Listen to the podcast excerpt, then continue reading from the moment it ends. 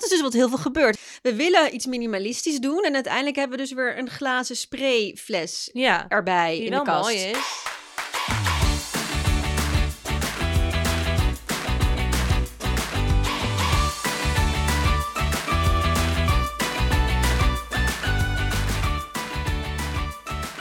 Welkom bij Zoetzuur, de podcast over alles waar we graag een geïnformeerde mening over willen en alles waar we ons ondertussen door laten afleiden. Ik ben Barbara Kleijsen. En ik ben Elise Fixen. Zoals het een zichzelf respecterend millennial betaamt, vinden wij het enorm belangrijk om ons te verhouden tot maatschappelijk urgente kwesties. Zoals de toenemende instabiliteit in de Sahel en de uitzendrechten van de Formule 1. Maar we laten ons ook steeds afleiden door trivialere zaken die we dan weer veel te belangrijk maken. Gelukkig zijn we niet de enige, daarom is er zoetzuur met deze week de Less is Less editie. Over de vraag of less more is of eigenlijk gewoon minder. Waarom moet je zoveel kopen voor een minimalistisch bestaan? En waarom gaat de praktische keuze om wat spullen weg te gooien bijna altijd gepaard met een superieur sausje? Is minimalisme het tegengif tegen het kapitalisme of juist de ultieme uiting ervan? Daarover gaat deze aflevering. We laten ons afleiden door Promising Young Woman en alle ophef rondom deze film. En ja, hierbij alvast een spoiler alert. We eindigen zoals altijd met tips, maar eerst wat zoet en zuur was in ons eigen leven. Barbara, jij bent zoet deze week. Jazeker, ik heb alvast een voorschot genomen op de Summer of Love, waar iedereen het Oh. maar over heeft. Ehm, Ga je nu vertellen dat je heel veel seks hebt gehad? Awkward. nee, ik heb wel gechanst. Oh, Ja, vertel me alles. nou, ik was eindelijk weer naar de kapper, wat überhaupt al heel fijn was, want ik heb echt een heel lelijk half jaar achter de rug. Kijk, je wordt knapper van een paar maanden druiven plukken in Frankrijk. Mm. Je wordt niet knapper van maanden binnenzitten. Mhm. En daarnaast moet ik ook echt wel zeggen, ik ben dan ook zo iemand, ik kan het ook heel goed dan gewoon helemaal laten verslonzen. Dus nu ben ik gewoon bleek, grijs en verslonst. Dat, ja. We hebben echt eh, een paar podcasts geleden, eh daar heb ik gewoon open gedaan in een slaapshirt zonder BH.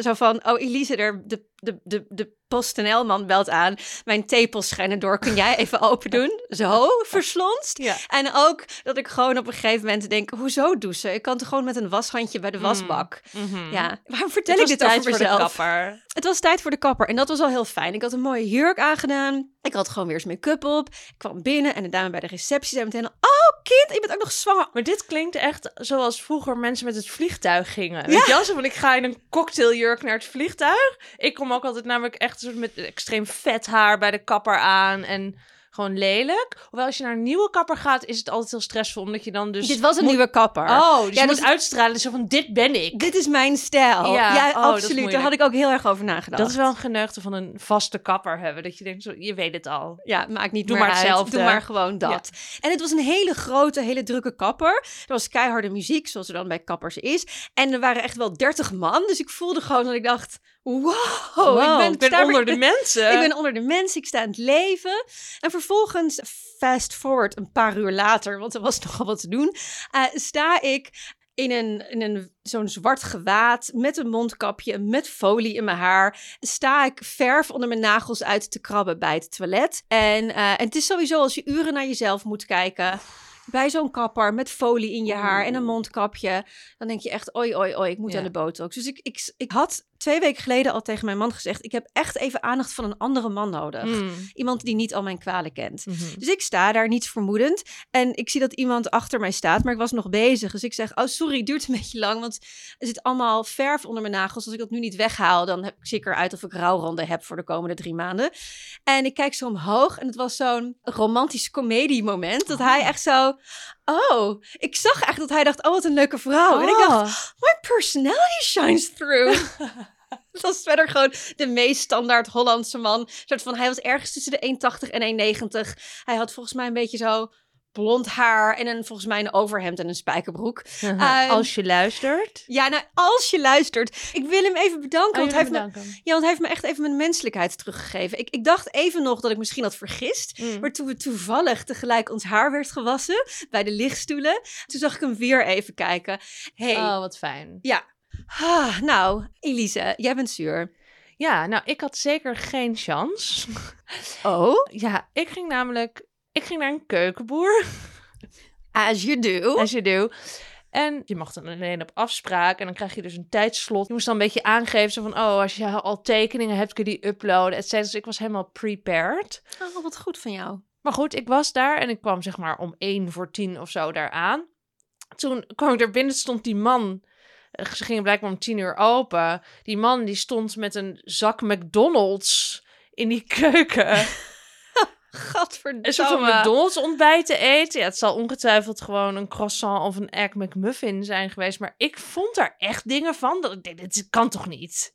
Ja, nee, niet, niet in de, het is gewoon niet representatief. De fanatieke luisteraars weten dat ik nou niet echt bepaald snobistisch ben, zeg maar, als het aankomt op snacks. Maar het is gewoon, het, het is... Dat kan toch niet? In... Nee, zeker niet. Bovendien, passend bij de uitzending, is deze niet, dit niet nader te noemen merk heel minimalistisch, een soort van de stijlvolle IKEA-variant. Ja. Dus da- daar past ook geen McDonald's Weet je, bij. een soort van Deens eh, look en feel. En dan sta je daar een, een gore zak McDonald's te vreten. Dat, van, nou, ik vond echt, ik was meteen echt, ik, ik vond hier echt dingen van. Nou, op een gegeven moment kwam hij dan naar me toe. En nou, ik zag wat je had ingestuurd. En ehm, ja, vertel. Wat eh, kan ik voor je doen? Ik zei, ja, nou ja, ik weet dus wel ongeveer wat indeling wordt. Maar ik zit vooral over het blad en, en de frontjes en bla bla bla. Zo, oh ja, ja, ja, dat is een kwestie van smaak natuurlijk. Hè? Dus daar kan ik je ook niet echt bij helpen. Oh, vreselijk. Dat heb ik ook als ik bij een restaurant er niet uitkom. En, en dan zeg Ja. maar, oh, zal ik dit of dit doen? En dat dan iemand zegt, ja, dat weet ik niet. Ik weet niet wat jij lekker vindt. Ja, Nee, ik wil gewoon dat je een keuze voor me Ja. maakt. Me even stuurt. Zeg zo, oké, nou, eh, dus ik begon een beetje zo, ja, ik begon die stilte maar te vullen, zeg maar. Dus mijn hele, hele interne monoloog van, eh, oh ja, nou, dus dit, dit vind ik dan mooi met dat, maar dat dan weer niet met dat. Dus ik, ik loop eigenlijk de hele tijd vast op het blad. Ja, want het is heel grappig. Want jij vindt, zeg maar, als ik in een ongemakkelijke situatie word ik heel nep. Want ik word heel enthousiast. ja, Ik word gewoon, oh, wat leuk. Wat fijn dat je de tijd. En ja, daar ga jij heel slecht op als ik zo word. ja. Maar jij wordt een soort van, oh, en dan dit. Maar ik kan ook wel zo. Maar als je dan liever wil. Ja. Je wordt ook een totale hele rare versie van jezelf. Vreselijk. Dus ik ga maar gewoon, ik begon gewoon met praten en ik stopte bijna niet meer. Waardoor ik ook helemaal niet meer serieus genomen word vervolgens waarschijnlijk. Maar goed, dus eh, toen was ze van, nou ja, oké. dus ja, ik heb dan deze bladen, zeg maar allemaal, werkbladen. En dus toen zat ik daar een beetje zo tussen. Zo van, oh ja, maar kijk, dit vind ik wel mooi, maar dat vind ik dan weer maar niet met dit. En dat vind ik dan weer met... blablabla. Toen zei hij, ja, ja, kijk, een blad maakt wel de keuken. Dus als ik geen blad heb wat je mooi vindt, dan kan ik je verder ook niet helpen. Wat is dit? Wat is dit voor een soort van rare reverse psychology Ik, misschien, was het, misschien was het zijn laatste dag. Ik ging ooit naar een opheffingsuitverkoop bij een skizaak. En Ja. zo'n vrouw, ik heb 35 jaar in het vak gezeten. En er was zo iemand die zei, ja, dan misschien die. Nee, dat is voor goede skiers. Nee, maar ik ben wel een goede skier. Ja, dat alle mensen die dat van zichzelf zeggen, kunnen niet op die schoenen. Ik wil ze toch even passen. Nee, ik ga je ze niet laten passen, want het zijn niet de goede schoenen voor jou. Die man Oh. er toch hiermee. Ik wil graag dat je nu deze schoenen terugzet. Je had geen afspraak, we doen alleen nog maar op afspraak. Dus ik heb liever dat je gaat. Yes. Het was ook echt zo'n man up. met zo'n zo'n dun donsjasje. Ja. Dus misschien was dat het. Misschien was het gewoon dat hij dacht, fuck Nou, it, volgens ik mij was dat het niet, want ehm, ik denk eigenlijk dat hij de franchise-nemer was. Nee. Ja, ik denk het wel. Die uitstraling had hij. Hoewel ik, nu ik dat zeg, weet ik, weet ik dat ik een soort van miljoen aannames aan het doen ben over hoe een franchise-nemer eruit zou moeten zien. Gewoon een witte gast van middelbare leeftijd. Maar dit is dus heel stom, want toen ik in een café werkte en als ik dan werkte met een collega die gewoon mijn gelijke was, maar die zeg maar een, een man van 50 was, dat iedereen altijd dat hij mijn baas was. Ja. Dus hierbij denk ik ook, ja, hoezo is niet iemand anders? Maar goed, hij was ook de enige was. Maar oké, mijn theorette is dat hij had, je moest aangeven wat je budget ongeveer was. En dat hij dacht, "Pff, nou, dit wordt niks. Dat hij mij binnen zag komen. Dat hij dacht, die gaat toch niks kopen. Maar ja, ik denk, je had, je, ik was echt in de markt, hè? Zo van, Je had mij echt iets aan kunnen smeren. Je had hier echt iets van kunnen maken. Ik heb een afspraak voor Je twee dingen- uur. En je had dit dingen geüpload. Ja, je was en hij heel zei ook op een gegeven moment, nou, misschien moet je er gewoon eens nog eens een nachtje over slapen. Dat ik zei, en dat ik toen ook letterlijk zei, zo van, ja, maar ik wil ook gewoon een keuze maken. Heb je dat letterlijk Ja. gezegd? Oh, je sta en ook gewoon dat je denkt, ik, ik ben hier helemaal met de auto heen Ja, gereden. ik wil niet nog weer Nee. een nieuwe afspraak moeten maken. Arg. Oh, oh, en dan, oh, zo van, nou, dan oh. zat ik, nou, dan van, oh, dit vind ik dan ook wel mooi. En dan zei ik, ah ja, maar dat wordt veel te duur. Nee! Deze gast. Hij had jou echt in een hokje geplaatst. Ja. Ik zou hem er graag, ik zou graag willen dat- we hem even konden inbellen om te vragen hoe, hoe Misschien- hij dit heeft ervaren. Ja, maar dat, ik denk dat we dat moeten doen. Ja, anyway, daar ga ik geen keuken kopen. Dus nu is het een soort van self-fulfilling prophecy geworden. Ja. Anyway. Oh.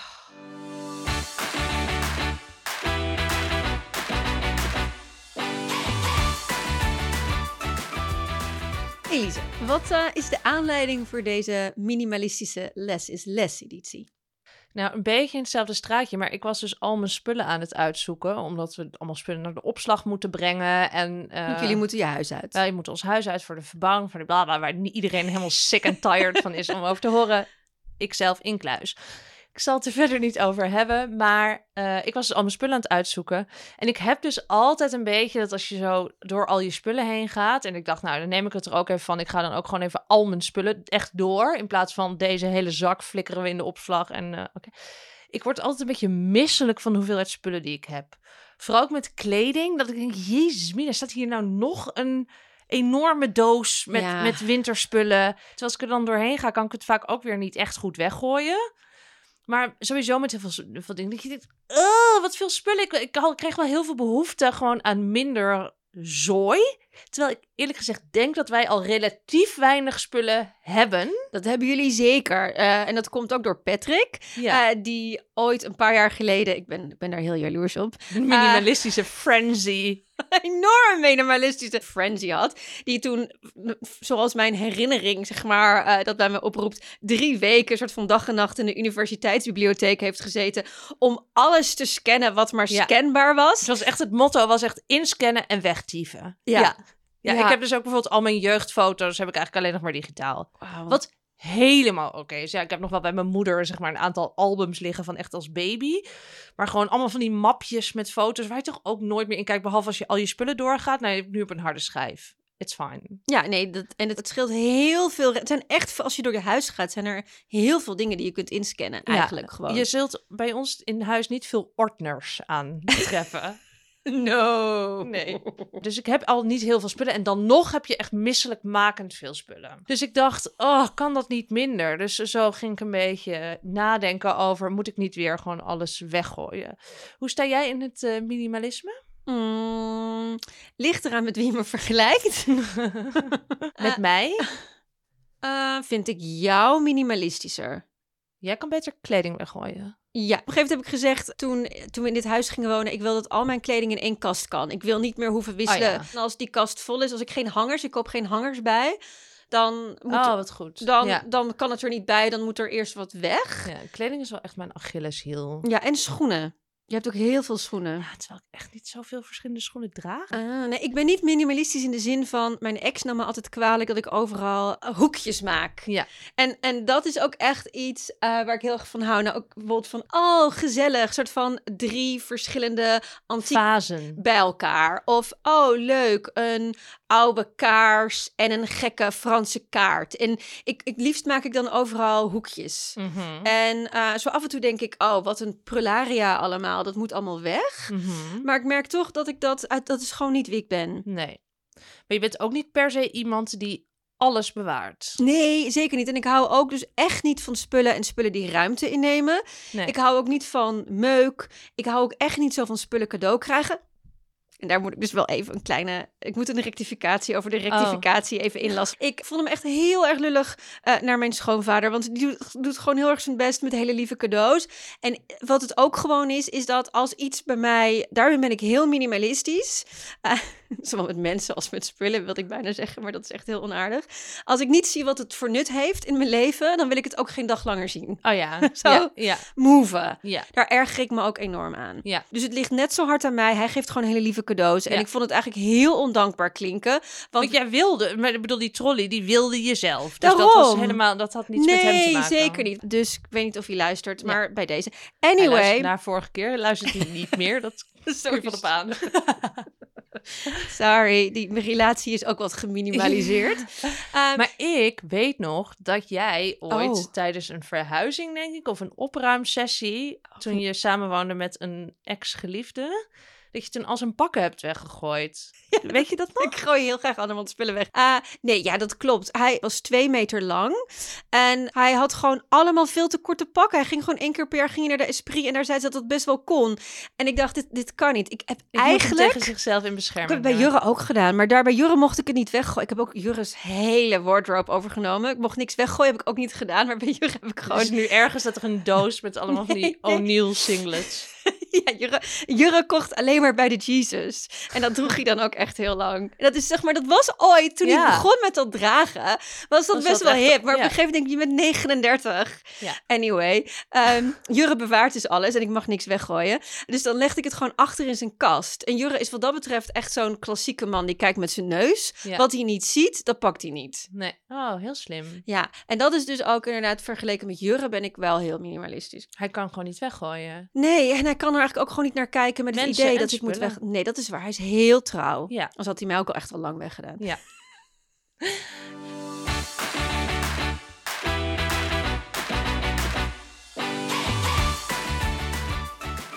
Maar wat het, nou, wat het nou een beetje is met minimalisme, is dat het, dat hebben we eigenlijk weer een beetje die tegenstelling van een moreel probleem en een, en een praktisch probleem. Daar is Zeg weer. maar de praktische keuze van, oh, ik ga even door al mijn spullen heen en de hele boel weg.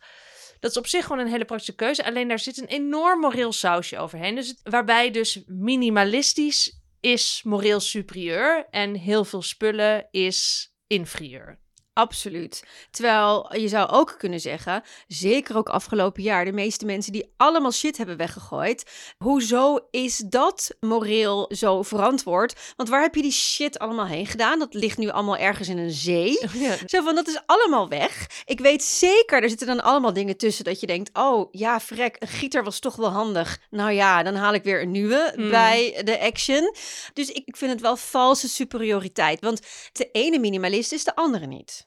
Je hebt een beetje verschillende types. Je hebt zeg maar de esthetische designer minimalist. Ja, die er al heel lang is. Zo van, die draagt ook geen kleding, die draagt een uniform. Ja. Ehm, Die woont in een grote witte loft met heel weinig spullen. wat er is, is design. Ja, dus heel duur en simpel. Ja, en die ging dan ook één keer per jaar naar Tokio om daar Japanse conceptuele items in te kopen. Omdat Ja. je die toen nog niet kon bestellen via het internet. Ja, precies. Rekels. Ja. Je hebt ook de minimalist, die is meer zo van, ik ga off the grid. Ja, dat is de permaculture. Ik ga in een earthship wonen. En dat, dat is ook van minimalisme is ook gewoon uit een hele lifestyle. Dus dan mag je ook gewoon je haren laten groeien. Je hoeft je Ja, ook niet en een tiny house. Ja. En maar, maar geen start-up CEO tiny house. nee, nee, nee, nee. Gerecycled en ook gewoon van bio-toilet Ja. en off the Gewoon grid. leven in een, in een bus en rondreizen. Dat kan ook wel echt. Ja. En daarin heb je natuurlijk dan wel weer ook de verschillende soorten. Namelijk een beetje meer degene die lekker met hun MacBook in een Surferbusje zit. trekken ja. en zeg maar consultingklussen op afstand doen. En volgens mij gewoon nog heel veel spullen ergens in de opslag hebben. Ja, die zeg maar hun, gewoon hun, hun huis van 50 vierkante meter in Amsterdam ooit goedkoop gekocht en nu voor de hoofdprijs Verhuren, Verhuren. en dus digital nomad zijn. Ja, Maar je hebt ook, en ik denk dat dat het minimalisme is, het Marie Kondo minimalisme. Dat is echt het, het consumentenminimalisme. ja. Een soort van, oh wacht, er is een hele industrie ontstaan met spullen om te minimaliseren. ja. Zo van, oeh, eh, ik ga minimaliseren in mijn keukenkastjes. Dus nu ga ik allemaal matching dezelfde bakjes kopen, zodat ik dat heel minimalistisch kan ordenen. Nou, dit is iets waar ik zeker ook gevoelig voor ben. Ja, want hoe is het met je schoonmaakmiddel? Ja, ik ging dus heel minimalistisch leuk mooi met zo'n glazen spuitfles en dan schoonmaakmiddel maken van schoonmaakazijn. Terwijl je ook gewoon nog allemaal ander schoonmaakmiddel had. Eh, en het werkt wel heel goed voor glas, maar ik vind het toch ook gewoon echt best wel stinken. Je had toch die, dat tweede potje met druppels. Ja, ik heb er echt al best wel een beetje essentiële olie in gedruppeld, maar het blijft toch gewoon, er blijft ook gewoon een soort van zure azijnlucht onder. Oh ja, dus nu heb je weer iets. Nu heb je met je minim. Dat, dat is dus wat heel veel gebeurt. We willen iets minimalistisch doen en uiteindelijk hebben we dus weer een glazen sprayfles Ja, erbij die in wel de kast. mooi is. Ja.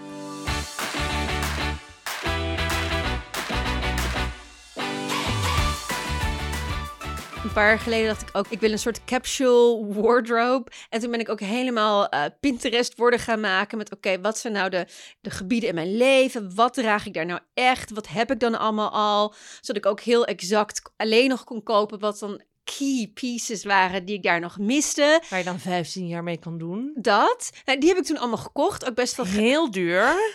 Je gaat, ja, want... En dan ga je, dat koop je niet bij de H&M. Nee, want dat wel, ik mocht dan echt op zoek naar dat ene item. Nou, ik heb echt een paar hele leuke weken gehad. Ja. Maar um, ik kwam er eigenlijk dan gewoon drie weken later achter dat ik, nee, eigenlijk toch gewoon weer een ander key piece nodig had. Oh ja. Dus voor mij werkt het gewoon beter om dat hele, ik kan beter gewoon zeggen, ik koop geen kleren. Dus ik denk dat we hebben vastgesteld dat er zeker mensen zijn bij wie het op een bepaalde manier moreel superieur is. Die het echt doen vanuit spirituele of milieutechnische good overwegingen om te ontspullen. Mhm. Uh, ik denk alleen dat het voor heel veel mensen niet zo geldt. Maar dat we wel dat superieure sausje, wat we al noemden, er dan overheen gooien. Een beetje alsof er een evenredige balans moet zijn tussen de mate waarin je iets opgeeft en de mate waarover je daarover moet vertellen aan anderen. ja, ik begreep dat er ook in Silicon Valley iets bestaat als dopaminevasten. Wat is dat dan? Nou, het komt er eigenlijk gewoon op neer dat, dat je even in een, in een mini-retraite gaat. Dus dat je, je je wil ontdoen van alle prikkels. Dus dat je een periode, bijvoorbeeld 24 uur of een weekend of zo, dat je dan nou, even geen internet, geen tv, weinig lezen, uh, weinig eten, water drinken. Eigenlijk een soort meditatieweekend. Maar waarvan ik dus denk. Dat prima. klinkt gewoon als rebranding. Dat is iets wat al lang bestaat. En dan gewoon een Ja. moeilijk superieure naam geven. Ja, nee, je zou het een soort van digitale detox of zo kunnen noemen. Of even een weekendje rust. Ja. Even niks. Ja, en dat vind ik op zich helemaal prima. Moet je vooral doen, lijkt me ook gezond. Maar je kunt het ook gewoon doen en er niet over praten. En dat is dus iets wat Nee, totaal onmogelijk Dat is. gaat niet. Nee, precies. Eh Julia Adhuisjes, daar is hij weer. Vriend van de podcast. Hij schreef afgelopen zaterdag in de Volkskrant... Pronken met wat je niet hebt, de tv. En een, een van de vele treffende zinnen eruit was de vraag... Heb je nog vakantieplannen? Ik heb geen televisie. en dat is het precies. Ja. Dat, en ik vind Ik, dat- dit is trouwens oh, iets waar ik ook zelf wel een tijdje mailed superieur over heb gedaan. Ja, Ook zeker. geen televisie. En inderdaad, dat. dat, dat... En ik, ook al, ik vind het dan ook... Ik heb ook al heel lang geen televisie. ja, dat is dan ook belangrijk om erbij te zeggen. Ja, Zo van niet net nu pas, nee, maar... nee, nee, nee, echt al jaren. Eh, en ik, maar ik merk dus nu dat er bij mij een soort van tegending is ontstaan. Waarbij als mensen dan bijvoorbeeld zo van, ken je die reclame of zo? Weet je, dat is een van de deugden van geen televisie hebben, is dat je dus geen reclame ziet. Ja, ik, ik heb geen televisie. En ik zeg er dus tegenwoordig altijd bij, maar ik kijk wel heel veel hoor, maar dan gewoon zeg maar Netflix op de laptop. Of de NPO. Juist belangrijk. Ja. Ja. Nee, dat is het. Want het is eigenlijk met alles wat je net dan laat. En mijn zusje en haar man eh, doen dus, ehm, zijn ook aan het minimaliseren, maar dan in slaap. Zodat ze dan zo van, oh, we hebben gewoon twee hele kleine kinderen. En het is allemaal best wel veel stressvol 's ochtends. Weet je wat we gaan doen? We staan gewoon, we gaan, ze gaan toewerken naar vijf uur 's ochtends. Ze zitten nu op half zes. Hoe laat gaan ze dan naar bed? Vroeg. Geen idee. Oké. Je Anders ben je, ben je gewoon sleep deprived op een gegeven moment. Ja, nou ja, maar dit is ook een state of... Maar dat is dus wat heel veel van die goeroes zeggen van de Miracle Morning. Je moet dus naar bed gaan en zeggen, zoveel uur slaap is voor mij genoeg. Ik, je moet dus tegen jezelf, moet je dus zeggen, morgen gaat de wekker en dan ben ik blij dat de wekker gaat. Dus Ja, maar dat is niet wat je hersenen Elise. vinden, hè? Oh, natuurlijk wel, want je kunt gewoon je hersenen programmeren. Gewoon neuroplasticiteit, Elise. Je, doet, je zit gewoon heel erg in een oude mindframe. Oké. Oké. Oké. Ja, Anyway, half zes. Maar dat, en dan gaan ze eerst samen sporten. En dan kan ze daarna nog even lekker lezen en uitgebreid ontbijten. En het is natuurlijk ook gewoon natuurlijk heel lekker, want dan ben je Ja. al helemaal klaar. En je hebt al een hele dag gehad als dan eindelijk de meiden wakker worden. Wat natuurlijk ook is, good for you, Eh, doe heel- het en zwijg erover. Good for you. Maar ik merk bij dat soort dingen, dan moet ik me er dus toe verhouden. Dus ik voel dan ergens dat ik gewoon heel, ik ben enorm afgunstig. Dat ik denk, oh, ik wil Maar dat je weet het wel ook, dus het is ook benoemd. Zeker. Maar ze was ook wel oprecht enthousiast. Dus ze heeft het een paar keer benoemd. Maar, maar Ja, niet per se heel irritant. Nee, nee, nee, nee. Maar ik, ik was dus ook heel blij toen een van onze eh, luisteraars deelde op haar Instagram. "Uh, being a morning person doesn't make you moral. Dus ik heb dat ook echt zo. En ook naar mijn zwager voor de zekerheid. En Ja, ik ben ook elke keer daar enorm ja over maar aan dat is natuurlijk wel daarin ook. Zo inderdaad vroeg opstaan, intermittent fasting en al die dingen. Van nu ben ik een beter mens. Want Ja. ik, jij hebt dat nog nodig. Ja, Het is gewoon heel erg dat gevoel van, oh nee, ik ben al verder. ja. En nu ik dit eenmaal doe, wil ik gewoon niet anders. En dat ik gewoon echt heel erg stiekem hoop dat ze zich gewoon een keer verslaapt.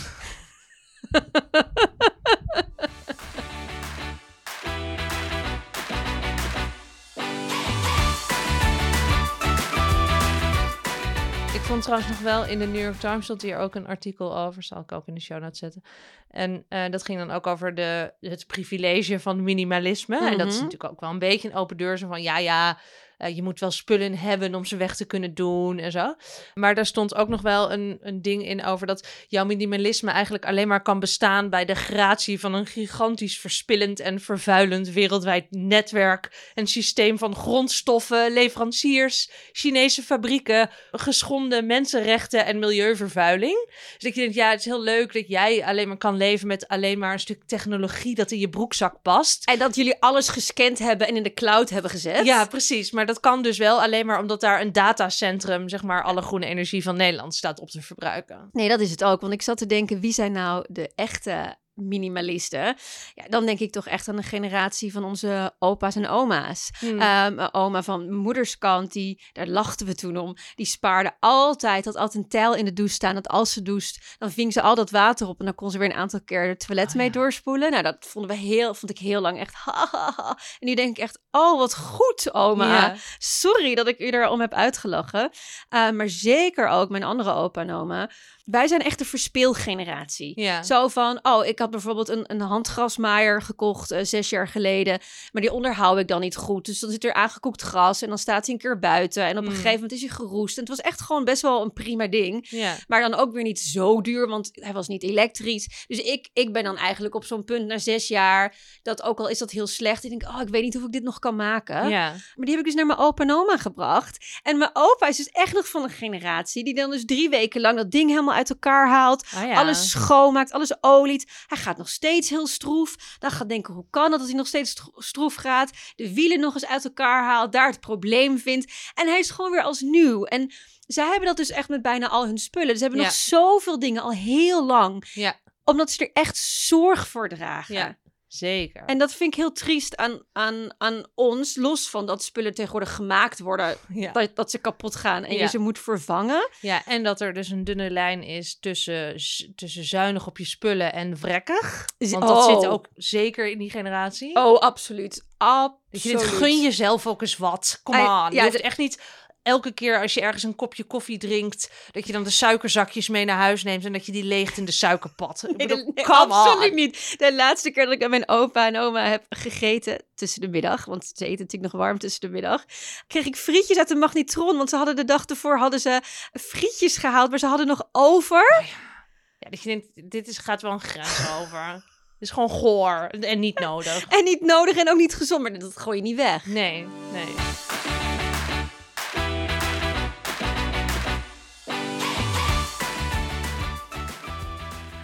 Nou wil ik het wel toch nog eventjes opnemen voor iedereen die heel eh, minimalistisch probeert te doen en daar dus ook gewoon superieur over moet doen omdat ik denk, ja, het is voor in ieder geval voor heel veel mensen van onze generatie.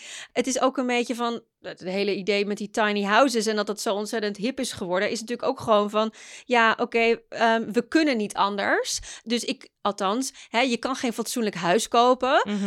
Uh, dat kan ik allemaal niet hebben. Uh, dus de enige manier om je dan tegen te verhouden en toch een positief zelfbeeld te, te, te behouden, is dan zeg maar, ik wil het niet. Nee, Dan- en dan Emma Curvers de- die noemde het ooit in de Volkskrant in een column... eh, het Stockholm-syndroom van de woningmarkt. Ja, precies. En hetzelfde is met dat minimalisme. Want als je weer klein woont en je hebt geen ruimte voor spullen, uh, dan is het natuurlijk ook weer heel fijn om te zeggen: Oh, maar ik wil al die spullen ook niet. Nee. Als je geen geld hebt voor een dure auto, oh, maar ik wil helemaal geen auto. Ik wil delen. Ik wil die hele deeleconomie omarmen. Ik heb geen vast contract, maar dat wil ik ook helemaal niet. Nee. Terwijl ik me afvraag, als ik heel veel van deze mensen die dat heel erg allemaal heel bewust allemaal niet willen en niet nodig hebben, een enorme zak met geld of een enorm huis eh, zou aanbieden, Mhm. ehm, hoeveel dan echt nog steeds nee zullen zeggen. ja. Dus het is ook soms een beetje een gedwongen van als je je status niet meer kan halen uit spullen, dan moet je het maar gaan halen uit het feit. Dus aan ja, de maar ene dit kant zijn is het dan die, die snobistisch. echt die San Francisco minimalisten zijn dit natuurlijk niet. Nee, die zijn heel rijk. Die zijn gewoon stom. Ik kom er niet uit. Misschien moet ik wat gaan kopen.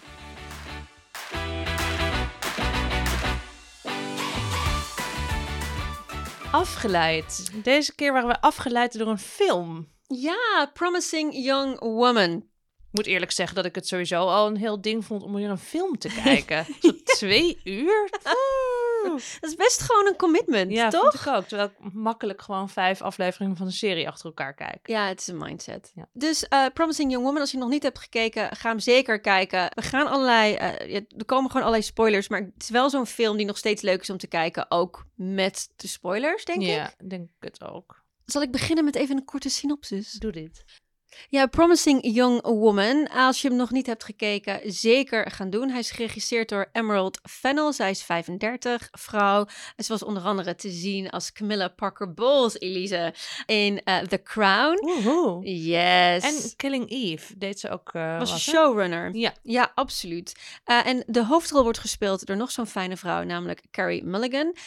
Zij speelt een jonge vrouw, begin 30, die haar geneeskundestudie opgeeft nadat haar beste vriend zelfmoord heeft gepleegd. En de reden voor die zelfmoord, daar is de film een beetje onduidelijk over, maar er is seksueel geweld, er is een verkrachting geweest. Ja. En zij komt niet over dat verdriet heen. En om een vorm te geven voor dat verdriet, neemt ze wraak op mannen. En vooral op eh, aardig lijkende mannen. Door te doen alsof ze dronken is in barren. Eh, Zo'n lieve man die zegt: Ik breng jou wel mee naar huis. Daar met hem mee te gaan. Te wachten tot hij denkt: hey, dit is het moment om haar slipje om. Slipje? Ja. Terwijl het moment dat haar slipje eh, omlaag short. En dan te laten merken dat ze helemaal niet dronken was, maar broodnuchter. Hmm. Elise, wat, wat vond je van de film? Gewoon als kijker. Ik vond het een experience. Het is een, het is een snoepje om naar te kijken in de zin van alles is heel, de hele esthetiek is echt heel opvallend en het is heel allemaal soort candy colored, heel meisjesachtig. Ja, het is allemaal ja, in pasteltinten en heel veel roze. Ja, en ook een bijpassende soundtrack met Ja. zelfs Paris Hilton. Ja, Paris Hilton, Britney Spears. Het is allemaal heel, dus het is allemaal heel erg uitgesproken dat. Het plot neemt de hele tijd allerlei wendingen, waardoor je de hele tijd denkt dat je naar iets zit te kijken en dan neemt het een wending en dan is het toch weer iets anders. Ik heb wel een paar keer een beetje zitten doorspoelen. Mhm. En al met al is het een, een ontluisterende ervaring, vond ik het. Ja, het is grappig dat je dat zegt. Want ik heb ook na 10 minuten. Ik, ik vond de openingsscène met Adam Brody van The OC. Vond ik vervelend, slecht. Ik, ik, ik trok het niet. Ik dacht, oké, nee, sorry. Ik wilde het heel graag een leuke film vinden, maar dat vind ik niet. Nee, even voor de duidelijkheid, dat is dus een scène dat zij in een bar is, La- zogenaamd laveloos. straalbezopen. Dan hij is met een paar vrienden daar. Pik, doet ze van, hé, hey, ik breng je wel naar huis. Dan in, in Ja, maar is hij bij hem was thuis. precies. En hij, was, hij leek echt de nice guy. Ja, En het was zo opeens helemaal niet het geval. dan op Dat een ik, gegeven moment wil hij haar toch, een soort, gaat hij er toch zoenen. En dan wil hij toch seks met haar. Ja, alleen ik vond die overgang zo heftig. Terwijl, het is heel stom, want ik heb het zelf wel eens zo met iemand meegemaakt. Maar ik zag het op film en ik vond het ergens ongeloofwaardig. Hmm, Dus ik was eruit. Ja, Echter, toen ben ik de dag daarna toch verder gaan kijken. Dat ik vond ik de film steeds beter. Ik vond eigenlijk vooral het einde vond ik hem echt heel goed. Soms heb je iets, dan kijk je het. En tijdens het kijken had ik zoiets van, nou, ik weet het niet, ik weet het niet, ik weet het niet. Maar daarna bleef je me toch bezighouden. ja. En dan ging ik ook weer naar de muziek luisteren. Dus ik denk, ja, het was toch eigenlijk dan wel gewoon echt een goede film. Ja, dat zou je kunnen zeggen. Ja, het is gewoon, zeg maar, wat heel opvallend is, is zeg maar het contrast tussen die hele zoetsappige look en feel en muziek en dat hele, echt dat meisjesachtige wat we dan over het algemeen, zeg maar, weinig waarde toekennen als, als samenleving en, en, en, en associëren met, zeg maar, weinig... eh, Diepgang. in niet krachtig. Ja. En een soort super super duister Plot. plot en, en moraal erin. Zeker. En Waarin iedereen die toch een soort, zeker de mannen die enigszins lijken alsof ze toch nog deugen, die blijken allemaal stuk voor stuk uiteindelijk toch een soort van gevaarlijke pseudo-verkrachters. Wat ik goed vond aan de film, is dat het eigenlijk gewoon allemaal gaat over die nice guys. Aardige jongens die misschien toch niet zo aardig zijn, en maar, maar daar helemaal niet misschien altijd van bewust zijn. Hoe ook gewoon vrouwen ook weer heel veel beelden hebben geïnternaliseerd. En, en medeplichtig zijn. En medeplichtig zijn. Dus dat het ook niet alleen de aardige mannen zijn, maar ook de aardige vrouwen. En ook de hele redelijke, bijvoorbeeld de decaan van de universiteit. Ook een vriendinnetje van toen. En dat ik dat een heel goed beeld vond geven. eh, een heel reëel beeld. Ook als ik kijk naar mijn eigen studententijd. Dat we heel veel aardige en redelijke mensen zijn. Maar daarbinnen er toch heel vaak hele onveilige situaties zijn. Die soms juist zo onveilig zijn. Omdat we allemaal binnen die veilige bubbel zijn van toch eigenlijk gewoon een hele aardige mensen. Hmm. Dat, en dat maakte hem juist zo disturbing en zo krachtig, vond ik. Ja, maar ik vond dus alleen wat me een beetje stoorde, was vooral eigenlijk heel veel stukken dialoog. Ik kreeg het, het gevoel alsof ik naar een karikatuur zat te kijken. Zoals wanneer? Nou, bijvoorbeeld een aantal van die mannen die, dan, die zij dan dus verleidt met haar, in haar dronkenschap en dan mee naar huis, waar ze mee naar huis gaat. En dan op een gegeven moment zegt ze dan dus van, haha, ik ben toch, eh, toch nuchter. Nou, dat zegt ze niet zo, maar daar komt het dan op neer. En dan ontstaat er een soort toneelstukje waarin de man heel erg een soort van, ja maar, nee, en eh, zeg maar, ik was toch eigenlijk. En eh, dan, dan komt er een soort super kunstmatige dialoog waarin zij hem de les gaat lezen en hij een soort karikatuur wordt van een man die zichzelf probeert te verdedigen. Ik vond het ook, bijvoorbeeld bij die decaan, daar gaat zij dan naartoe om verhaal te halen over zo van, hé, hey, dat is toen gemeld, waarom is er niks mee gedaan? En die is dan heel erg van, ja, nou ja, weet je, ik bedoel, eh, ja, ik krijg hier twee meldingen per week. Dat ik dat is volgens mij gewoon niet waar. Ik onthoud al die namen niet. En oh, is het niet, zeg maar, die jongen die ik toen heb, eh, een melding over heb gemaakt, dat is toch zo'n ontzettend aardige jongen, die heeft hier net een soort van speech gegeven. En oh ja, kwam je me nog tegen onderweg. Dat ik dacht ook, hmm, een beetje een karikatuur van hoe dat gaat. Terwijl het script heeft wel een Oscar gewonnen. Ja, maar, nou ja, ik, maar ik, wat ik dus steeds het niet goed wist, is...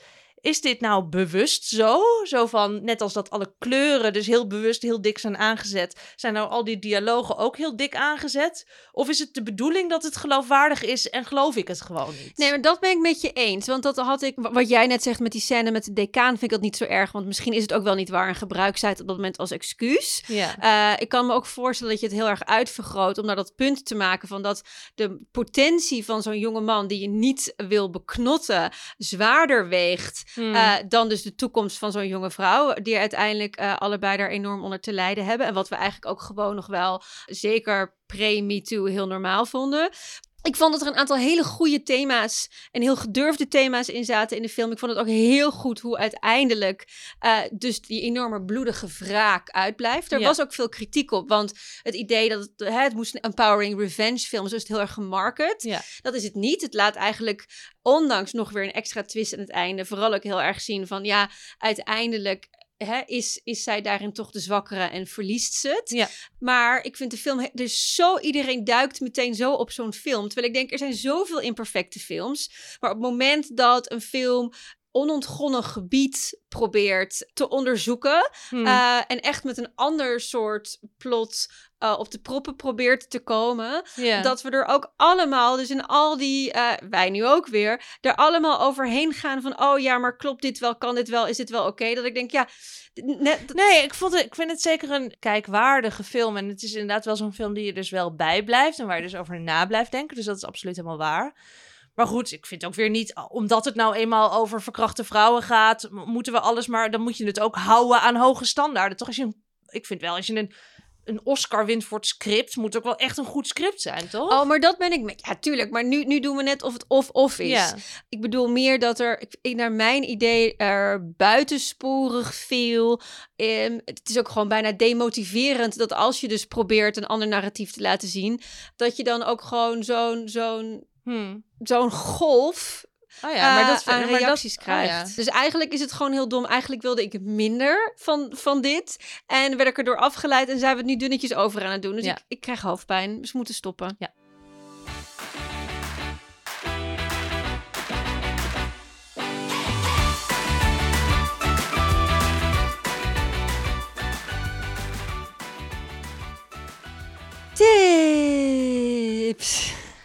Ik heb een tip. Het is een beetje flauw, want ik heb dit al een keer half getipt. Maar het is een miniserie afleveringen van de podcast You're Wrong About. Daar heb ik al een keer mee lopen dwepen over de Mhm. Diana. En dat ging, toen ging het over prinses Diana, waarin ze uitgebreid ingaan op allerlei biografieën van haar. En dit keer doen ze het weer, maar dan over Jessica Simpson. Oh. En je denkt, wil ik dit? Maar het blijkt dat je het wil. Ik kreeg hem ook getipt door een van onze luisteraars. En toen dacht ik, oké. En toen zeg maar een paar maanden later ben ik het gaan luisteren. En ik heb hem echt weer gebinged. Oh, yes. Ja, het is naar aanleiding van haar autobiografie, Open Book. Die eh, een paar maanden geleden is uitgekomen. En het concept is dus weer... Het wordt gepresenteerd door een man en een vrouw. Hij heeft het boek gelezen en gaat haar er alles over vertellen. En ik vind hun dynamiek heel leuk. Ik vind zijn manier van vertellen heerlijk. En dit is gewoon een fascinerend leven. Zij, alles wat je over haar dacht te weten, wordt op zijn kop gezet. Je bent op een gegeven moment een soort van, dat je denkt, waarom interesseert dit mij? Maar ik zet toch onmiddellijk de volgende aflevering aan. Ik weet nu alles over Jessica Simpson. Ik dacht namelijk bij haar ook altijd heel erg aan gewoon zeg maar die reality celebrity die eigenlijk iedereen blijkt te zijn. Namelijk zo van ik zit vooral heel veel op een hele grote bank in een groot leeg huis. En ik eet goor eten in restaurants een paar keer per dag. En dan met, met Nick Lachey, die haar man toen. Maar allemaal interessante dingen over hun huwelijk. Allemaal interessante dingen over hoe zij, ze haar, haar gevecht met alcohol. En ze heeft nog een, en er is nog een heel ding over haar dateverleden met John Mayer. Die echt gestoord is. Oh, dat heb ik altijd al gedacht. Oh, hij is echt gestoord. Hij is afschuwelijk. Ik was het echt aan het luisteren tijdens het hardlopen en ik wilde alleen maar nee roepen. Vreselijk. Luister dit. You're wrong about eh, over Jessica Simpson. Hmm. Oké, ik heb meerdere tips. Jij moet even voor mij kiezen. Ja. Eh, ik heb één verantwoorde documentaire. Ik heb één lekkere film. En ik heb een YouTube-workout. Doe maar een lekkere film. Oké. Een YouTube workout, dat trek ik echt de grens. Nee, maar een leuke film. eh, Palm Springs, te zien op Amazon Prime. Ik ga er zo min mogelijk over vertellen. Hij is absurd, hij is hysterisch. En hij is ook best wel kort en je bent er zo doorheen. En ik heb hardop gelachen, ik heb er heel erg van genoten. Ik had geen idee wat ik ging kijken toen ik hem aanzette. Dus ik ga er ook nu niets over vertellen. Het is leuk, het is licht, maar het is ook goed. Het is origineel. Het is gewoon dat je denkt, oh yes. Oh, en het is ook maar anderhalf uur. Dus het is Oh, dus eigenlijk... het is een, een, een, serie- een film voor seriekijkers. Yes. Daarmee zijn we aan het einde gekomen van de Less is Less editie. Ik heb behoefte eh, aan zuurstof. Elise, eh, jij? Waar heb jij zin in? Ik kan wel toe met minder. Bedankt voor het luisteren. Alle artikelen, podcasts en andere media die we bespraken vind je terug in de show notes en op zoetzuurcast.nl. Abonneer je op Zoetzuur in Spotify, Apple Podcasts of waar jij dan ook het liefste luistert. Doe ons een groot plezier en schrijf dan meteen even een beoordeling in jouw podcast-app. Dat helpt anderen om ons ook te vinden. En we zijn gewoon ook dol op complimentjes. En op voicemails. Laat er één achter via onze website. E-mailen kan ook. hallo at zoetzuurcast.nl En volg ons dan meteen ook even op Instagram, at zoetzuurcast. Onze muziek is Young at Heart van Blake Wolf. Tot de volgende keer. Dag!